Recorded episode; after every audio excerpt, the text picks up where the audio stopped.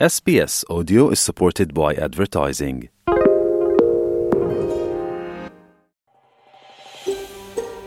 شما با پروگرام دری رادیوی SBS هستید. گزارشات عالی را در sbs.com.au/dari پیدا کنید.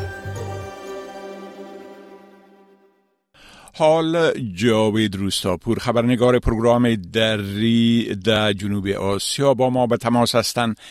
که اونا درباره تازه ترین رویدادها در ارتباط به افغانستان صحبت می‌کنن.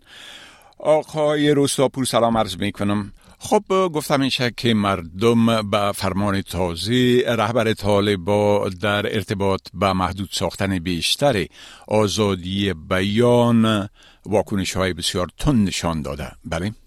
با سلام وقت شما بخیر. آقای شکیب بله همان گونه که شما اشاره کردین. ملا الله آخانزاده رهبر طالبان در فرمان تازهش اتهام های بیجا به مسئولان و نقد دور از واقعیت ها را منع کرده.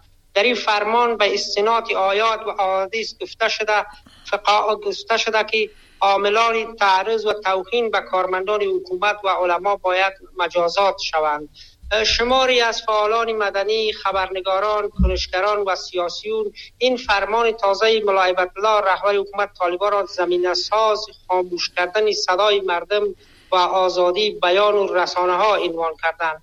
و باوری کاربران شبکه های اجتماعی نشر و پخش چنین فرمان های از سوی رهبر امارت اسلامی با گذشت هر روز آزادی بیان را در افغانستان محدودتر می کند و با گذشت هر روز مردم افغانستان اختیار و حق آزادی بیان خود را از دست می دهند بر اساس برخی گزارش های سازمان های رسانه‌ای و حقوق بشری طالبان عده ای را که در شبکه های اجتماعی از آنها انتقاد می کردن دستگیر و زندانی کردند و هم اکنون چندین تن از خبرنگاران و فعالان مدنی و کنشگران در زندان های طالبان به سر می‌برند. از جمله کسانی که انتقاد کرده از این فرمان رهبر طالبان شهرزاد اکبر رئیس پیشین کمیسیون مستقل حقوق بشری افغانستان است که گفته, گفته فرمان تازه رهبر طالبان یک گام دیگر برای محدود ساختن آزادی بیان و صدای مدنی در افغانستان است.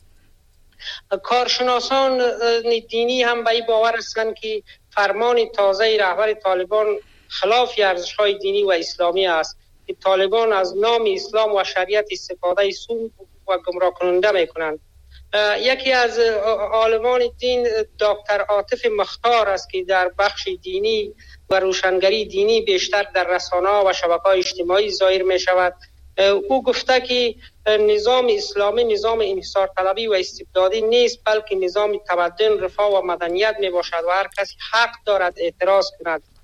بر بنیاد گزارش های سازمان ملل متحد پس از سقوط افغانستان به دست طالبا افزایش نقض حقوق بشر در یک سال گذشته به شدت افزایش یافته و طالبان در تقریبا یک سال گذشته آزادی بیان حق شهروندی و دهها مورد از آزادی مردم را نقص کردن و افغانستان به طرف یک بحران در راستا روان است. این در حالی است که طالبان هم تاکید کردند که بر بنیاد اصول و شریعت حق آزادی بیان محفوظ است.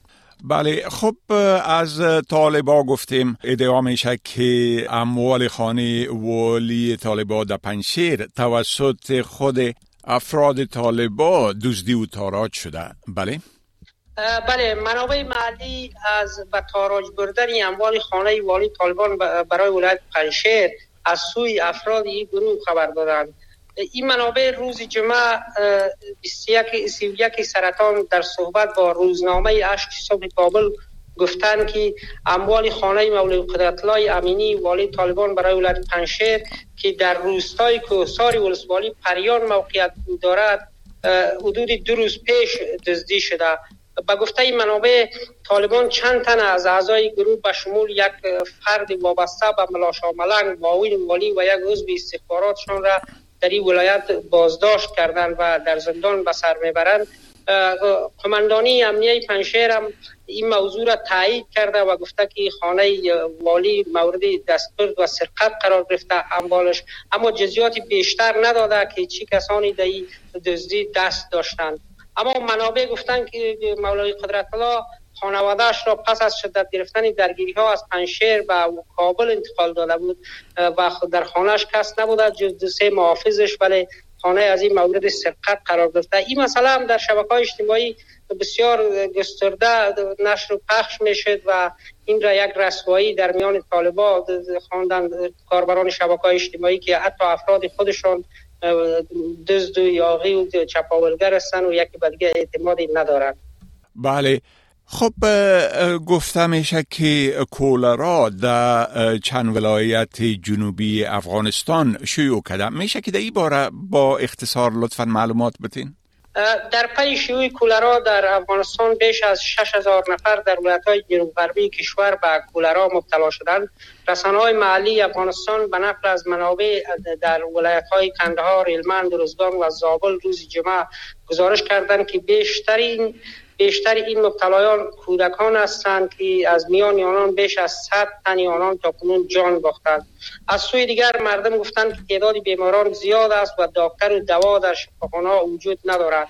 بر بنیاد ارقام ریاست های صحی در این چهار ولایت از زمان آغاز شیوع کولرا تا کنون چهار هزار تن در زابل، یک هزار و تن در هلمند، 770 تن در قدرهار و 95 تن در ارزگان به این بیماری مبتلا شدند.